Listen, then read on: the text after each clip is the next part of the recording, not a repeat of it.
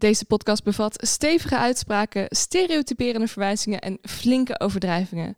Oftewel, alles om een cliënt in beweging te zetten. Is coachen grappig? Ja en nee. Nee, ik wil één antwoord. Nee. Waarom niet? Nou, het gaat over levens van mensen. En natuurlijk heeft humor daar zeker een plaats in. Mhm. Maar het zou raar zijn als humor altijd en overal grappig was. Als humor, Als, sorry, altijd als coachen. Ik raak meteen van slag. Als coachen altijd en overal grappig was. Dat zou raar zijn. En Als het Adelka, moet. vind jij eh coachen grappig? Ja, ik vind coachen kan heel grappig zijn. Ik, ik, ik, ik wil juist dat het grappig wordt, dat het grappiger wordt. Maar eh, problemen die mensen zelf ervaren, vinden ze niet grappig. Maar wij helpen ze dan erbij om ze wat grappiger te laten zien. Ik geloof absoluut dat humor een, eh, een heel krachtig middel kan zijn in coaching en in veranderwerk. Wat mij betreft is het geen must. Is een van de mogelijkheden. Interessant. Dit is Humor op de Divan, de podcast waar we onderzoeken of je humor kunt gebruiken in therapie, coaching en andere hulpverleningsvormen. Adelke Vendel is specialist in provocatieve psychologie en gebruikt al jaren met veel succes humorinterventies in haar praktijk. Gewapend met uitdagende uitspraken stelt Adelke zich op als een warme plaaggeest. Ze gebruikt de humor nooit ten koste van haar cliënt, maar altijd ten dienste van het probleem. Humor is het smeermiddel in de communicatie. Ja, Adelka. Hi, Antoinette. Heb jij nog iets meegemaakt? Nou, ik moest even denken aan hoe humor een plek heeft en provocatie in ons gezin. En ehm toen had ik eigenlijk bijna medelijden met mijn zoon. En mijn zoon die, eh, eh, die zei iets. Ze kunnen alle drie heel goed koken. Ik heb drie zonen. en, en, maar de oudste die is altijd heel vol zelfvertrouwen. En dat vind ik heel erg leuk. En die zei, nee hoor, ja, dat kan ik veel beter. En toen gingen mijn man en ik, ja, ja, dat klopt. Oh, dat, je bent zo goed. Oh, fantastisch. En ik zag hem echt zo van, die ouders van mij. Dus dan denk ik wel eens, dan is het minder grappig. Dan kan hij volgens mij later wel eens zeggen: Oh, ik werd er echt strontziek van, van die ouders van mij. Alles werd overdreven. Dus dan moest ik even aan denken, Serge, toen jij zei: Ja, het is niet altijd grappig. Maar ja, dat gebeurt bij ons in huis. Dit soort dingetjes die worden uitvergroot. En eh, ja, het maakt ook een beetje tot onze familie. Hoe zijn de stampertjes? Oh, maar hij kan wel heel goed koken. ja. Deze keer op onze divan coach Sergio van der Pluim. Sergio van der Pluim verwekt in de Summer of Love, getrouwd, twee kinderen, zenbeoefenaar, zelfstandig trainer en coach, podcaster en schrijver van de Coaching 3.0 trilogieën. Hij maakt zich sterk voor toegankelijkheid van evidence-based coachmethodes en daarnaast is hij rasoptimist en last but not least Rotterdammert. Wat een leuke introductie. Dit, eh, dit heb jij allemaal op internet gezet. Daarom vind ik hem ook zo leuk. Ik hoor mijn eigen woorden terug en ik denk, oh lekker. Sergio, hoe was jouw dag? Ja, die was fijn. Ja, ochtendje thuis gewerkt, eh, redelijk productief eh, geweest. eh, ontspannen hier naartoe gereisd met een avocado smoothie. En toen, ja, twee heerlijke gesprekken. Tenminste, een heerlijk gesprek gehad. En we zitten aan, we beginnen nu met het tweede gesprek. Met iemand die ik al heel lang ken. Ik ken Adelka al bijna twintig jaar. En we zien elkaar af en toe. En ja, ik, ik vind het dan heel leuk om haar weer te zien. Waar kennen jullie elkaar van? Ja, van de, de provocatieve jaartraining. Ja, de eerste jaar bij Jeffrey en Jaap. Ja, met Iep. Dus je hebt wel eh, een provocatieve basis, Zeker. maar dat is niet waar je voornamelijk uit handelt, toch? Nee, het is niet het enige. Ik eh, ja, hou me met nog wat coachmethoden bezig. En ik ben heel blij dat ik die ook ken. Mhm. En ik, eh, ja, het heeft al twintig jaar mijn aandacht. Maar ik kan niet zo goed kiezen als Adelka. Dus ik, ik, ik vind dan andere dingen ook leuk. En wat gebruik je vooral? Op dit moment eh, toch eh, het meest act als ik zelf coach. Met een provocatief eh, tintje. Oh, toch wel. Zeker. Ehm, en kun je de act uitleggen? Ja, ik ga mijn best doen. Ehm, ACT staat voor Acceptance and Commitment Therapy of Training. Ja, van oorsprong is het een therapie, maar als je er goed naar kijkt, is het eigenlijk meer een vaardigheidstraining. En je leert mensen als het ware eh, life skills aan die we een beetje vergeten zijn hier in het Westen. Hoe bedoel je? Ehm, nou, er zit hele oude, ja, je zou het boeddhistische wijsheid kunnen noemen. Die kun je er echt in terugvinden, maar ook modern wetenschappelijk onderzoek. En ehm, een belangrijke vaardigheid die we in het Westen denk ik een beetje vergeten zijn, is, is acceptatie. En het wordt makkelijk gezegd, hè? Eh, Mhm. eh, dat moet je maar accepteren. Mensen zeggen tegen elkaar, je ziet het in tijdschriften. Maar niemand vertelt je hoe je dat moet doen. Ja. En ACT vertelt dat wel. Ja, wat leuk is, ik moet gelijk denken aan ehm, Afrika. Want ik ben dan een paar weken per jaar in Afrika. Mhm. En daar is veel meer acceptatie. Geloof ik meteen. Hoezo? Omdat wij hier handelen veel meer vanuit, ja, dat moeten we veranderen. Mhm. Dan moet, eh, en dat is natuurlijk ook waardoor we vooruitkomen. Dat is een heel mooi goed. Mhm. Als we dat op alles zetten, dan gaat die acceptatie een beetje naar beneden. Mhm. Het is eh, in deze maakbare wereld, waarom zouden we dan iets moeten accepteren? Precies. Individualisme ook. Ja. Waarom zou ik dit moeten accepteren? Nou ja, eh, Sergio, waarom moeten we dit accepteren? Ja, omdat het leven niet maakbaar is uiteindelijk. Natuurlijk lijkt het zo, als je jong bent en gezond en je ziet er goed uit en je leeft in een rijk land, dan lijkt het leven soms heel erg maakbaar. Tot er een dierbare overlijdt. Of tot je blijkt eh, onvruchtbaar te zijn. Of tot blijkt eh, dat je, ik noem maar wat, je wordt ziek.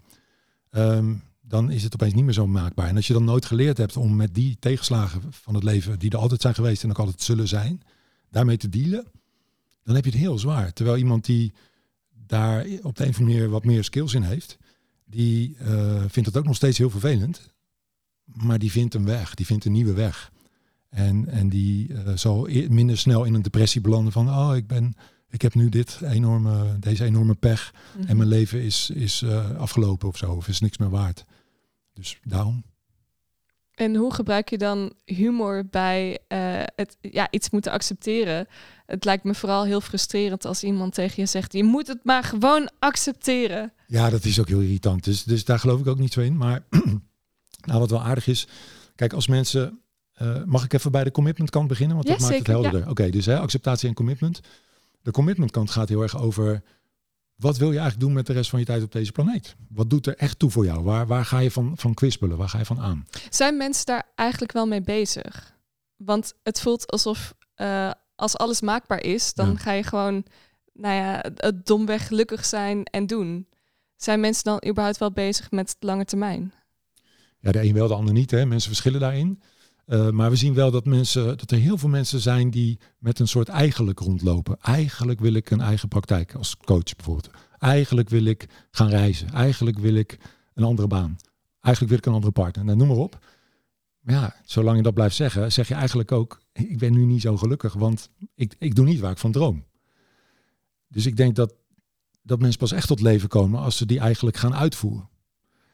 Als dat makkelijk was, zouden ze het al lang gedaan hebben. Want iets in hen zegt, oh, er ligt een nog mooier leven op mij te wachten. Waarom doen ze het niet? Omdat het spannend is. Omdat je afgewezen kunt worden. Je kunt falen, et cetera. En daar komt die acceptatiekant om de hoek kijken. Dus die gaat niet zozeer over... eh, ja, die kan ook gaan over acceptatie van tegenslagen. Maar die kan ook gaan over acceptatie van het ongemak. Dat je geheid gaat tegenkomen als je voor je dromen gaat. Als je dat eigen bedrijf gaat starten. Als je op die leuke man of vrouw afstapt. Als je een gezin start, terwijl ja, dat ook helemaal niet altijd zo makkelijk is als je bijvoorbeeld ook werkt. Ehm, eh, of als je een partner hebt met een eh, etiketje, wat ook zomaar kan. Hè? Ik noem maar wat. Ik, eh, dat, dat hoor je ook best vaak. Dat, dat een, noem maar wat, de partner heeft autisme. En dan blijken de kinderen ook autisme te hebben. Dan heb je best wel een uitdaging. Dan heb je opeens drie mensen met autisme in je huis. Weet je wel? Dus eh, het is veel dingen die mensen en heel groot geluk kunnen brengen, zoals een gezin starten, kunnen ook hele grote pijn of uitdagingen brengen. Nou, en daar eh ACT leert je daarmee te dealen. En dan wil je misschien weten hoe. Mhm. Kijk, uiteindelijk, die, die dingen die spannend zijn in het leven, of die ons weerhouden om onze dromen te doen, die bestaan eigenlijk altijd uit drie dingen. Ofwel eh, bepaalde gedachten en overtuigingen die zeggen, nou, doe dat maar niet, want dat eh, is niet voor jou weggelegd, of eh, straks mislukt het, et cetera. Nou, dat kennen we allemaal wel. Het kan ook gaan over emoties, angst, onzekerheid, spanning, eh, stress, wanhoop. Ehm, en tenslotte over fysieke sensaties. De, lichaam, de dingen die ons lichaam nou eenmaal doet als we spannende dingen doen. En voor de ene is dat een rode kop, voor de ander is dat trillende benen, voor een derde een trillende stem en de vierde heeft zweethandjes. En het lastige is dat die dingen met elkaar, gedachten, emoties en fysieke sensaties, die vormen een soort kluwen. Want die rode kop, daar heb je ook nog gedachten over. Straks zien ze mijn rode kop en dan denken ze wat een sukkel of een tuthola. En, en nou, dan kan ik wel inpakken met mijn mooie verhaal op het podium. Hè. Dus het, het, het wordt groter doordat we dat allemaal op elkaar plakken. En wat zegt ACT? Nou, als we dat weer een beetje uit elkaar pluizen, dan houden we drie dingen over. En met die drie dingen kunnen wij gewoon leren dealen als mens. Uh, laten we beginnen bij emoties. We, kijk, emoties willen maar één ding. En dat is gevoeld worden. Maar daar zijn we niet meer zo goed in. Zeker niet de ongemakkelijke emoties. Dus wat we dan vaak doen, is we gaan onszelf afleiden met Netflix of uh, Instagram. Of we gaan onszelf verdoven met uh, drugs en alcohol, et cetera. Mensen hebben vele strategieën. Terwijl ACT zegt, onder andere, de ACT heeft daar niet het alleen recht op, maar ACT is daar wel goed in, denk ik. Um, word, word nou eens nieuwsgierig naar die emoties en, en kijk eens of je kunt doen waar ze voor gemaakt zijn. Ze voelen. Dus ACT zegt niet, ga je, probeer je nou voortdurend beter te voelen, wat wel de rest van de maatschappij zegt, elk tijdschrift, elke Hollywoodfilm, elke reclame. ACT zegt, stop je beter te willen voelen, ga gewoon beter voelen. Alle smaken van het Ah, leven. Ook de pittige, ja. de bittere, de zure en niet alleen de zoete. En dat is een vaardigheid die we gewoon kunnen leren met een beetje oefening. En het, het zit dicht bij mindfulness, hè, waar je ook Ja. leert om nieuwsgierig te worden naar je binnenwereld, Ja. om een beetje met de adem te werken, om te ontspannen terwijl je ongemakkelijke dingen voelt.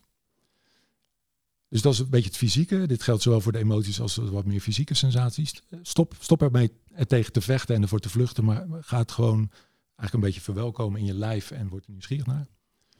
De gedachtenwereld, daar heeft ACT ook wel iets heel moois, vind ik. Kijk, wat we allemaal kennen is, is denk ik de rationeel-emotieve therapie en het positief denken. En, en de dominante gedachte is dan, eh, of de, het advies is dan, nou, als jij niet helpende gedachten hebt, eh, spoor ze op, daag ze uit en vervang ze door meer helpende gedachten. Klinkt logisch, hè? Het werkt ook wel, hè? er is genoeg bewijs voor dat dat werkt. Maar we weten ook, het werkt niet bij iedereen. Nee, het is heel moeilijk om ze te vervangen. Ja. Het is echt soort echt hard werk is dat. Ja, exact. Dat is gewoon zo. Zeker. En als, als je bedenkt hoe ongelooflijk veel gedachten een mens heeft per dag. De schattingen lopen uiteen van 6000 tot 60.000. Ja. En we weten ook dat ongeveer twee derde daarvan is negatief, niet helpend, irrationeel.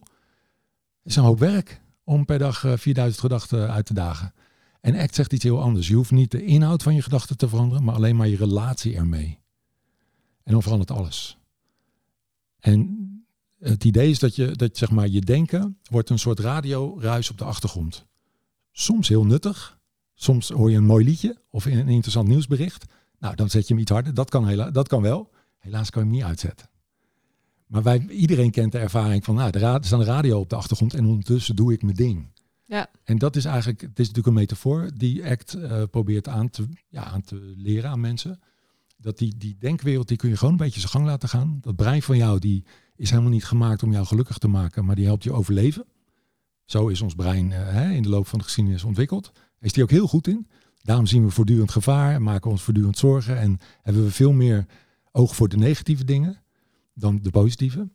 Ehm, hè, dat kennen we allemaal. Hè? Als je vroeger geritsel hoorde in het struikgewas en je dacht, oeh, interessant. Ik ga eens even kijken of daar een lief knuffeldiertje zit. En het is een tijger. Dan, die mensen hebben het niet gered. Hè? Dus, dus ons brein is nog steeds zo gewired.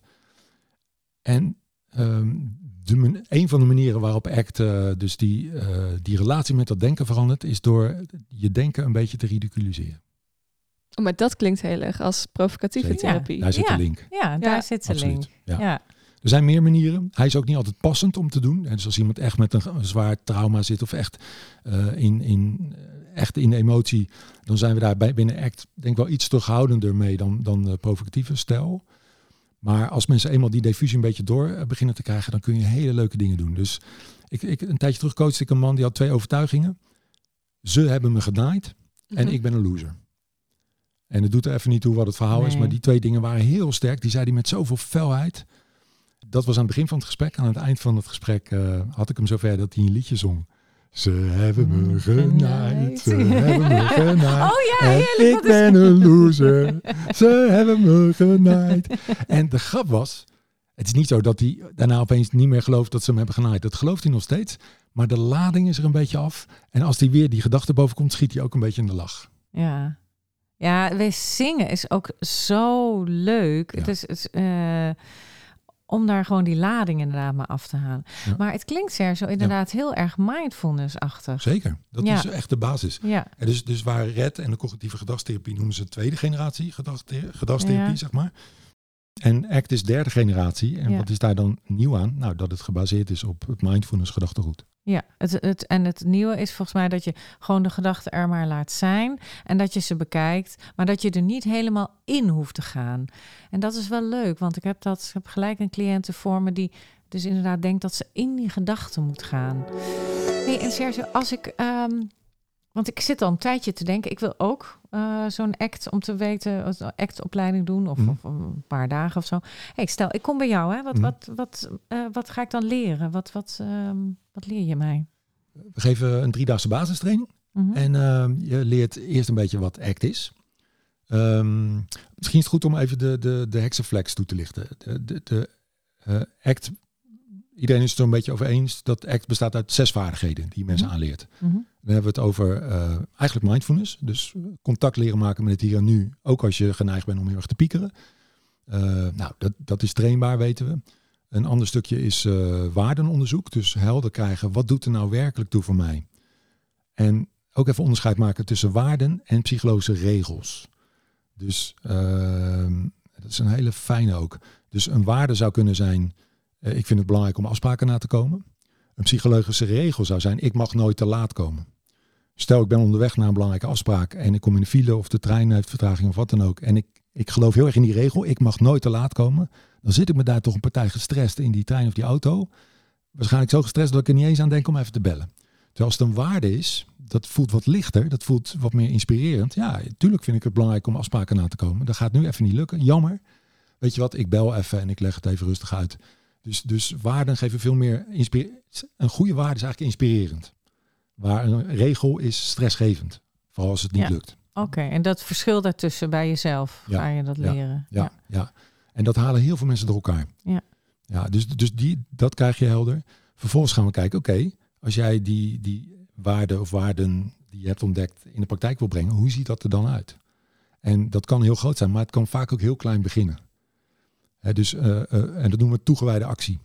Dus iemand een huwelijksaanzoek doen, dat is toegewijde actie. Hè? Dat doe je omdat je van iemand houdt. Ja. En dat is best wel een grote stap, is wel toch? Dat is een groot commitment wat je nou ja, jullie moeten het maar doen. Exact. Maar je kunt ook iemand die je leuk vindt een lief appje sturen. Mhm. Dus dan is die heel klein. En die hele range heb je tot je beschikking. Ja. En, en eh, de kunst is om klein te beginnen. En gewoon te ervaren wat dat doet. En ja, een appje sturen naar iemand die je leuk vindt, is, is ook al spannend. Ja. Maar je voelt wel, als je dat doet, dat je denkt, ik, le- ik, ik leef wel nu. Ja. Zelfs als je, als, je, als je terugkrijgt van, eh, ja, sorry, eh, ik heb al een vriend of ik heb eh, Ja. geen, geen zin in jou. Dat doet wel pijn, Ja. maar je leeft wel. Je leeft meer dan wanneer je op de bank was blijven zitten. En, Maar er zit er dus wel, en dat vind ik interessant, er zit er dus wel een soort aanname in van ehm, je moet meer leven of je moet het leven ten volle leven. Want dat is bij het provocatieve namelijk iets minder. Oh ja. Nou, het is geen moeten. Het is een uitnodiging. Het is een uitnodiging. Ja. Als je wilt. En, hè? Ja, als, je, als je een rijk, eh, betekenisvol leven wilt, dan wijst ACT je daarin de weg. Mhm, Maar of je dat ook echt wilt, dat is uiteindelijk aan jou. Dus ACT Mhm. is niet voorschrijvend van zo moet het. mhm. Maar we zien wel dat mensen tot leven komen. Ook Ja. na bijvoorbeeld een burn-out. Dat dit een manier is, en zo heeft die voor mij trouwens ook gewerkt. Een manier is om weer energie te krijgen. En dat het weer gaat stromen in je leven. Ja. Daar blijkt dit wel eh, heel, heel eh, werkzaam. Ja. Nu heb je twee van de zes vaardigheden gehoord. Wil je Mhm. de andere ook nog? Of? Dus vaardigheid 1 is, eh, wat is het woord? Ah Vaardigheid ja, eigenlijk zijn, heb je er al drie gehoord. Dus mindfulness, mindfulness, waardenonderzoek, onderzoek, toegewijde actie. actie. Ja. Ja, Dan eh diffusie heb ik net al genoemd. Hè? Dus dat liedjes Diffusie? zingen. Ja. Maar dat is, dat is een, toevallig een speelse variant. Maar er zijn vele varianten ook veel, veel subtielere. Eh, actieve acceptatie heb ik ook al genoemd. Dat je nieuwsgierig wordt naar wat je voelt. Ja. En dat je bereid bent dat te voelen. ja. Ook als het pijn doet. Eh, dus dat zijn, we hebben al bijna alles gehad. Er is eigenlijk nog maar één die we niet hebben gehad. En dat is, eh, de, of, de officiële term is zelf als context. Dat is een beetje, een beetje een Mhm. rare term. Maar die staat tegenover, in het Engels klinkt die lekkerder. Self as context versus self as content. En self as content is, is eh, dus de, als je je- jezelf beschrijft, alle inhoud die dan meekomt, alle verhalen die mensen over zichzelf vertellen, van nou, ik, ik ben zo en zo iemand en ik heb dit meegemaakt en daarom kan dit wel en dat niet. En, en, en zo zal de rest van mijn leven er wel uitzien. Allerlei verhalen. En mensen doen dat. We zijn verhalen vertellende wezens. Maar het lastige van die verhalen is dat ze vaak een beetje vastzitten. Verhalen liggen min of meer vast.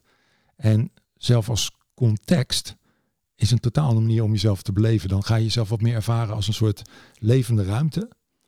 Eh, waarvan alles langskomt. Gedachten. Zo, soort zie ik mezelf zo vliegend in de ruimte. Zo kom ik die langs. Wieuw, wieuw, Ja, wieuw. ja, ik snap de associatie, maar die is het niet. Die is het niet. Nee, nee, wat, nee. Wat, hoe is het dan? Nou, je, je ervaart jezelf als een, als een, een levend wezen. ja? Gewoon met je beentjes op de aarde. Waarin voortdurend van alles langskomt. Er komen voortdurend gedachten langs. Die creëer je Ah, niet. Die, die, ja, ja. die, de- jij, jij, onze gedachten kunnen wij niet helemaal controleren. Die komen en die gaan, waar of Mhm. niet. Hetzelfde geldt voor onze emoties. En als je wat meer in die Ja, zelf... maar emoties kun je wel makkelijker beïnvloeden. Oh ja? Ja, Oh, Hm? vertel eens. je Hoe? kan toch... Nou ja, ik word altijd heel blij van eten. Oké, Dus als ik dan verdrietig ben en ik wil per se even anders voelen, dan weet Ja. ik, ik neem een stukje chocola. Ja. Ja, Ja, dat helpt de- heel even. Ja, het is een ah, ah, het Ja, helpt ja, dus even. je kunt Ja. ook een pil nemen. Ja. Je, je kunt ook eh, ja, een film gaan kijken. Ja, nee, dus tuurlijk, in die zin hebben we een beetje controle over ons, over ons voelen. Mhm. Maar we constateren ook dat het maar even helpt. Eh, dat, stel, jij hebt echt een diep verdriet. Je hebt liefdesverdriet bijvoorbeeld. Dan toen kun je chocola eten en Ben Ja, maar Jerry's. dat zei je niet. Je had Nee? het gewoon over emoties. Nee, nee, maar ja, dat- ik noem even een sterke emotie. Ja. Dan, dan helpt het even, maar dat liefdesverdriet is nog niet weg doordat jij een stukje chocola eet. Hè, dus, eh, en sterker nog, ehm, ja, er zijn natuurlijk heel veel mensen die vastlopen in het leven, juist doordat ze voortdurend hun gevoel proberen te fixen met eten, met drugs, alcohol, et cetera. Eh, dus ja, ik, en ACT zegt niet dat, je dat, dat dat niet mag. ACT zegt alleen maar, oké, misschien wil je een bewuste keuze maken over hoe jij wil omgaan met, ja, met, met ongemak. En als af en toe een wijntje voor jou werkt, prima. Maar als je vastloopt in alcoholisme en, en niet meer weet waar je auto staat geparkeerd en je partner zegt, eh, ik ben klaar met je, en dan werkt het niet. Ja, dus dan wil je misschien een andere manier van leven. Ja, dan heeft het te grote gevolgen. Ja. En, en even, ehm, dus dit zijn die zes dingen. En even over humor. Hè? Want Ja. wij eh, hebben hier over, ook over humor. Wat voor, voor plek heeft humor eigenlijk in jouw eh, werkleven? Kun je dat eens omschrijven? In mijn werkleven of in act? Nou Ja, je werkleven gewoon überhaupt als je coacht. Dus dat Ja. is deels met de act, maar je doet Ja. ook motiverend. Je doet provocatief. Kun je dat een beetje vertellen? Wat humor? Nou, een beetje dan. Huh? Ehm, het heeft een belangrijke plek in mijn persoonlijke leven. Sowieso, laten we daar beginnen. Ja, dus Marloes en ik ehm, houden allebei van humor. Hebben ook Wie een beetje dezelfde... Oh, sorry, dat is mijn vrouw. Oké, ja. We hebben ook een beetje dezelfde humor. En nou, we, ja, we zijn gelukkig getrouwd, maar we hebben ook een zoon met autisme. En dat is echt niet altijd makkelijk. Ja. Ehm, en de vele uitdagingen die daarbij komen kijken, lossen we voor een belangrijk deel op met humor. Zij plaagt mij, ik plaag haar. We zeggen iets geks. eh, ja. eh, ik vind het ook heel leuk om bij mijn zoon humor te gebruiken. Ja, dat kan prima. Hè? Dat kan prima. Ja, ja. En ik geniet altijd enorm van het moment dat ik een grapje maak. En dat ik hem zo omhoog zie kijken. En nog eens ergens anders naartoe zie kijken. Dan ja. en dat duurt dan even. Dat, dat, je ziet echt dat kwartje bij hem vallen. Dat vind ik mooi. Nou, ik vind dat zo leuk, want ik had jou verteld hè, dat we onderzoek deden naar, ehm, bij de jeugdzorg. En twee van mijn provocatieve coaches, één daarvan, die was heel goed met kinderen met autisme. Dus ze denken vaak dat je dat niet kan, dat je geen humor kan gebruiken bij autisme. Maar dat kan, dat kan vaak echt wel. Ja, ja. ja en, en autisme is een breed spectrum. Hè? Dus de Mhm. ene autist is de ander niet. Maar het, het klopt, er zijn zelfs eh, autistische comedians. Ja. Die Ja. ontzettend grappig zijn, ook Ja. voor niet-autisten. Ja, voor niet. Ja, zeker. Ja. Ja, ja. Maar goed, je vroeg, hè, wat is dan plek in coaching? Ehm, ja, een belangrijke plek. Maar nogmaals, het is voor mij geen must in, in de zin van er moet in elk gesprek humor zitten. Hm. Wel als ik provocatief werk, hè, dus als iemand me daarvoor inhuurt, Mhm. ja, dan, dan vind ik het wel een belangrijk criterium. Dan vind ik ook de sessie is pas geslaagd als er gelachen is. En dan, weet je, vooral de verbindende humor. Dus dat Mm. we samen lachen. Dat vind ik Mm. het mooist. Weet je, dus niet dat ik de coachie uitlach. Eh, als de coachie om zijn Nou, eigen dat probleem lijkt lacht. me sowieso niet handig Nee, toch? Nee, nee, nee. nee maar als de coachie om, om zijn of haar eigen probleem lacht, vind ik mooi. Want dat, ja, ik, ik, ik heb wel eens bedacht, goh, als je kunt lachen om je eigen probleem, is het dan nog wel een probleem. Maar als je samen kan lachen, en dat raakt dan ook wel aan act, eh, om, zeg maar, gedeelde menselijkheid. Mm. Laten we wel wezen, wij mensen zijn eigenlijk ook best wel rare wezens eigenlijk. Ja. We maken Ja. het ons ongelooflijk moeilijk, onszelf en elkaar. Ja. Gelukkig doen we ook wel eens eh, briljante dingen. Hè. Er wordt prachtige muziek gemaakt en mooie uitvindingen. En nu die artificiële intelligentie. Hoe hebben ze het verzonnen? Ik vind het knap. Ik zou het niet kunnen. Ehm, maar we doen natuurlijk ook verschrikkelijke dingen. En over verschrikkelijke dingen gesproken. Ja. Jullie hebben net een, eh, oh, dat vind ik nu heel lullig om te zeggen. Jullie hebben net een andere podcast opgenomen. De Ja. podcast van Sergio. Ja, Als je die wil luisteren, check hem vooral eh Coach 3.0, de podcast. En, en daarin heeft Adelka al een sessie bij eh, Sergio gedaan. En het leek ons dus leuk om het nu omgekeerd te doen. Helemaal leuk. nice. Ja, Toch? ja top. Dan mag jij erin in plonsen. Ik mag- Oké, dan plonsen we er meteen in. Nou. Adelka, Ja, vertel eens even, wat heb jij op je kerfstok eh, vandaag? Wat, op mijn wat zit je dwars? kerfstok. Wat Nou, je ik, bezig? ik heb niks, maar ja, dat zijn... Ik heb dus drie zonen en die houden, eh, ja... Dat er uit, uit zo'n klein vrouwtje gewoon drie van die drie grote van die zonen. Hoe- zijn er uitgekomen. Ja, heerlijk. Ehm, en ehm, die houden van uitgaan. Mhm. Hoe oud zijn ze? 17, 20 en 23. Geweldig, ja, dat, hoort daar helemaal bij natuurlijk. Dat hoort er helemaal bij. Maar waar ik nou bang voor ben, is... ehm, Dat Ja, dat zwanger zijn- maken. nee, Oh, dat niet eens. Nee. Oh, dan word ik oma. Dat vind ik, Oh, dat vind ik helemaal niet zo erg. ik hou van babytjes. oké, oké, oké. Nee, maar dat is dat ze ehm, dat die verleiding is zo groot om zeg maar drugs te gebruiken, een slechte drugs. Ik bedoel, ik ben niet wars van. Ik ken, eh, ik, ik heb ook wel geëxperimenteerd. Ja, en dat Dus doe je nog het. steeds. En dat doe ik mij. nog steeds. Dat, dat, daar kom je voor uit, dus Ja. daarom durf ik het te Ja, zeggen. Ja, Jij ja, bent ja, met ja. ayahuasca. Ja, dus toch? weet ik. En eh nee, ayahuasca niet, maar Oh. ik weet hoe inderdaad ecstasy is. Ja, Eh, ja, dat, dat klopt. Ehm, maar ehm, ik weet, die jongens, die zitten dan onder elkaar en Ja. die druk ja. is best wel groot. En er worden ook hardere drugs gebruikt. Kijk, ik vind zelf ecstasy niet onder heel erg verslavingsgevoelig. Hmm. Maar er is wel heel veel alcohol, zoveel alcohol. En wat ik zo sneu vind, dan denk ik, ik heb die lichaampjes allemaal zo lief ge- gekoesterd Ja. en borstvoeding gegeven. En dan zitten ze zichzelf zo te vernielen. En ik weet, ik heb er geen vat op, maar ik, het doet me gewoon pijn.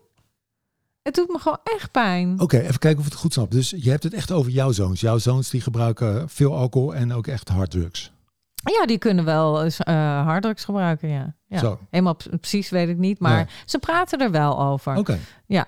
Ja, En nou ja, ik ben vooral bang voor, laat ik maar zeggen, cocaïne. Daar ben ik echt super bang voor. Want want? ja, dat is super verslavend en echt ja. heel erg, nou, dat vind ik heel, heel slecht. Ja, dus, dus eh, kijk, zij zijn jong en ze Ja. willen natuurlijk net als jij vroeger willen ze Ja. ontdekken wat is er allemaal te koop. Ja, En, en, en eh, weet je wel, try before you die. ja. Ehm, en, en, en waarom is dat voor jou eigenlijk zo'n probleem? Nou ja, ik ben gewoon heel bang dat ze verslaafd worden. Dat Ja. is het. Ja. En ik, had, ik heb een vader gehad met verslaving. Die was alcoholverslaafd. Ja. Dus het zit gewoon in mijn systeem bijna. Dat ik een soort alertstand ga staan. Ja. Ik kan niet meer bedenken, oké, een zoon gaat op vakantie. En dan weet ik dat ze van alles gaan doen. En misschien gaan ze wat gebruiken. En ik ben dan bang, ja, hij raakt daar aan verslaafd. En, en ik, ik bedoel, ik snap best wel dat dit een uitdaging is. Zeker als je zelf in je geschiedenis eh, ook iemand hebt met verslaving. Nou, zelfs je vader. Ja, Mijn vader was ook alcoholist, dus ik, dat herken ik. ja. Dan kunnen we nog best wel goede mensen uit voortkomen. Komen ook Dus er is hoop. Precies, dus, Er is dus sowieso is er hoop. Ehm, dus ik, ik snap het wel. Eh, alleen, kijk, jouw zoons die, die, gaan, die doen toch wel hun ding. Dus ik ben wel even op jou inzoomen. Hoe, hoe ga je daar nu mee om dan? Ja, nou ja, ik, ik vind zo dat gevaar hangt de hele tijd boven. De, ik zit dan de hele tijd te bedenken: oké, moet ik mijn zoon dan, hoe kan ik met hem praten zonder dat ik te veel, want ze weten al dat ik heel erg eh, daarop let. Dus dan denk ze: oh, mama weer. Ja. Dus dan heeft het helemaal geen zin, want dan gaat de ene oor in, de andere oor uit. Precies. Aan de andere kant weet ik van ja, ik gun je gewoon het experimenteren. Maar ik ben zo bang voor hoek te raken, verslaving aan wat dan een hele, nou ja, het zijn van allerlei middelen die echt, hè, heroïneverslaving, weet Ja, ik veel. Ja. Maar Oké, nee, maar dan heb ik wel, ik begin wel een soort eh, oplossing komt er bij me boven. Die zou kunnen werken voor jou. Is namelijk dat je een soort eh, huisregel instelt voor je zoons. Dat je zegt, je mag alles proberen, maar maar één keer. ja, oh, dan moet ik me er zelf ook aan houden. Ja, dat, ja, dat wel. Dat wel. Ja. Ja, ja, Is dat een idee? Dus eh, ja, dus cocaïne Ja, dat- mag, maar ja, maar wel maar één maar keer. er wel maar één keer, ja. Ja. Nou ja, dat zou ik het liefste ze opleggen, inderdaad. Maar Ja. één keer. Ja. Want ik heb natuurlijk dan, dan ben ik natuurlijk zo eigenwijs. Dat heeft natuurlijk iedereen. Dat ik denk, nou ja, ik kan er wel mee omgaan als ik dat twee keer gebruik of drie keer Ja, gebruik in jij- mijn leven. Maar jij bent Maar- ook zo Maar, bijzonder maar zij, wilskrachtig ja, mens. Zij kunnen dus dat zij- niet. zij kunnen, nee, ik kan dus ook. Ik kan dus roken wanneer ik zin heb. Dus roken op een feestje en dan weer maand niet. En dan weer. Maar zij zijn alle drie gewoon, die lopen te blaffen in het huis. Ik word helemaal. Dan denk ik, ach, die arme lijfjes gewoon. Het zijn die lijfjes, hè? Die, Ja, eh, die jou- vind ik zo- uit jou zijn gekomen. Ja, die vind ik zo sneu dat ze er Ja. van alles in stoppen. Ja. En dat, dat is nog tot daar aan toe. Maar dat ze dan bijvoorbeeld aan... Nou ja, het is echt die verslaving dat ik dan bang ben. eh, Dat ze aan iets verslaafd raken... waardoor ze dus nou ja, de werkelijkheid gewoon niet meer zien. Ja, Wat dat dan ook is. Het kan ook zijn aan ecstasy dat je dat elke dag wil gebruiken. Dat, dat ge- komt bijna niet voor, want dat... Dat, dat heb ik wel ook heel veel over gelezen en, en nou, gezien en Ja. gevoeld. Maar ja, er zijn wel andere dingen. En daar ben ik wel bang voor. Ja, ik snap het. Ja, maar dan moeten we toch een andere strategie, denk ik. Kijk, jij bent natuurlijk ontzettend ja, bezorgd over die arme lijfjes. Ja. En je bent wel niet zo groot, maar je bent toch wel een pittig dametje, jij volgens mij. Ik denk dat je beter, eh, als, op punt, als op punt staan te gaan stappen, dat je de, de deur verspert zo. Ja. En dat je zegt, nee, die arme lijfjes, die moeten hier blijven. Ja, hier ja. blijven met Het jouw liefst- lijfje. Jouw- ja, ja, dat zou ik het liefste doen als een soort, soort, soort Syrische vrouw. Ja. zo, ah, zo. ik heb jullie verzorgd en alles. En kijk wat je erin stopt. En, en raakt je borstvoeding gegeven Ja, en ja. kijk uit mijn... Hier is alles gekomen. Ja, het liefste zou ik ze inderdaad zo bewegen. Ik ga dat doen als ze weggaan. Dan ga ik dat doen. Dat vind ik goed. Want zo voel ik me inderdaad. Ja? Want ik, ik, ik heb er totaal geen controle op. Zij moeten het doen. En zij moeten ook zichzelf inderdaad... eh, oh, leuk. Nou doe ik self-talk. Ehm, zij moeten zichzelf kunnen redden en ook hun grenzen stellen. Dat kan ik niet doen. Maar ik zou... Dit vind ik wel heel leuk. Ik ga, als ze weggaan, ga ik op mijn knieën en dan... Nee, niet doen. En kijk uit. Ja, die lijfjes ook. Ja, Dat is heel ja, belangrijk. je lijf. Kijk, wat een mooi lijfje. en dat ben je dan nu aan het kapot maken. Ja. ja. Oh, Ja, ja. kun je hiermee verder? Ja. Oké, Ja. prima. Ja, ja, dankjewel. Alsjeblieft. Ja, ja. Leuk zo, zo'n sessie over en Ja, weer. ja, ja, En precies binnen de tijd ook. ja. Maar ehm, ik hoorde vooral veel provocatieve ehm, aanpak. Ja, Je hebt geen act gebruikt, toch? Niet echt. Nee, sorry, ik dacht dat dat de opdracht Nee was. hoor, nee. Mhm. Act kan ook, maar act kost wel iets meer tijd. Dus, Ja. dus dat is wel het toffe van provocatief, vind ik. Mhm. Dan kun je in vrij korte tijd toch wel iets in beweging zetten. Mhm. En als dit een act-sessie was geweest, dan eh, waren we al snel een uurtje onderweg. Nee, nee, dit was helemaal prima. Ja, wat ik fijn vind is, dat je neemt even de tijd, wat het is. En dan ben je zo aan het, volgens mij aan het voelen van, wat vindt zij nou het belangrijkste? Ja, en dan die ingang van die lijfjes. Het is eigenlijk de taal die je dan neemt van mij. Want Mhm. dat is ook, ja, dat komt bij mij ook de hele tijd. Die lijfjes, die lijfjes, ja. En dan neem je dat soort op en dat resoneert dan. Dat is Mhm. wel, ehm, wel, wel leuk. En, en op het moment dat ik dus inderdaad die, eh die self-talk ging doen, Ja. zo van, ja, nee, maar dat, toen voelde ik hem direct. Ja. Want ik, ja, dat is wel heel leuk. En daar ben ik altijd heel blij mee. Dus als de Mhm. coachie eigenlijk verstandige eh, self-talk, die ook nog Ja. doorleefd klinkt, weet je wel, Ja. en, en doable, Ja. dan word ik heel blij. Want dan komt het uit jou. ja, en ook dat ik nu denk, oh ja, ben iets rustiger daarover. Denk, ja, ja, weet je, zo, zo is het. Hmm. Ik kan- moet ze gewoon even, ik ga gewoon die lijfjes knuffelen. Ja. En dan zeg ik, nou, eh, veel plezier en doe maar wat je moeder ook doet. dus dat is heel gedisciplineerd. ja.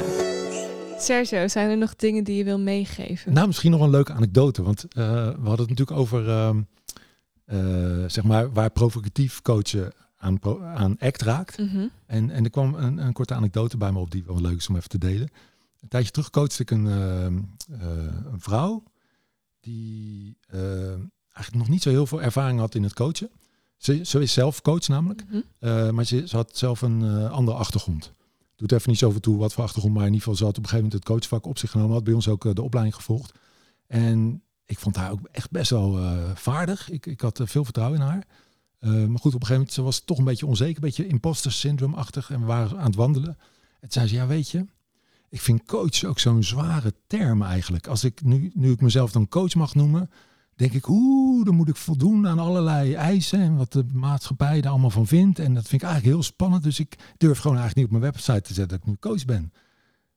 En vraag me niet waar het vandaan komt. Maar ik zei, nee, nee, maar dat snap ik wel. Maar ja, dan, dan is dat ook helemaal geen passende term voor jouw coach. Dus we moeten even iets anders verzinnen. Wat vind je van coach?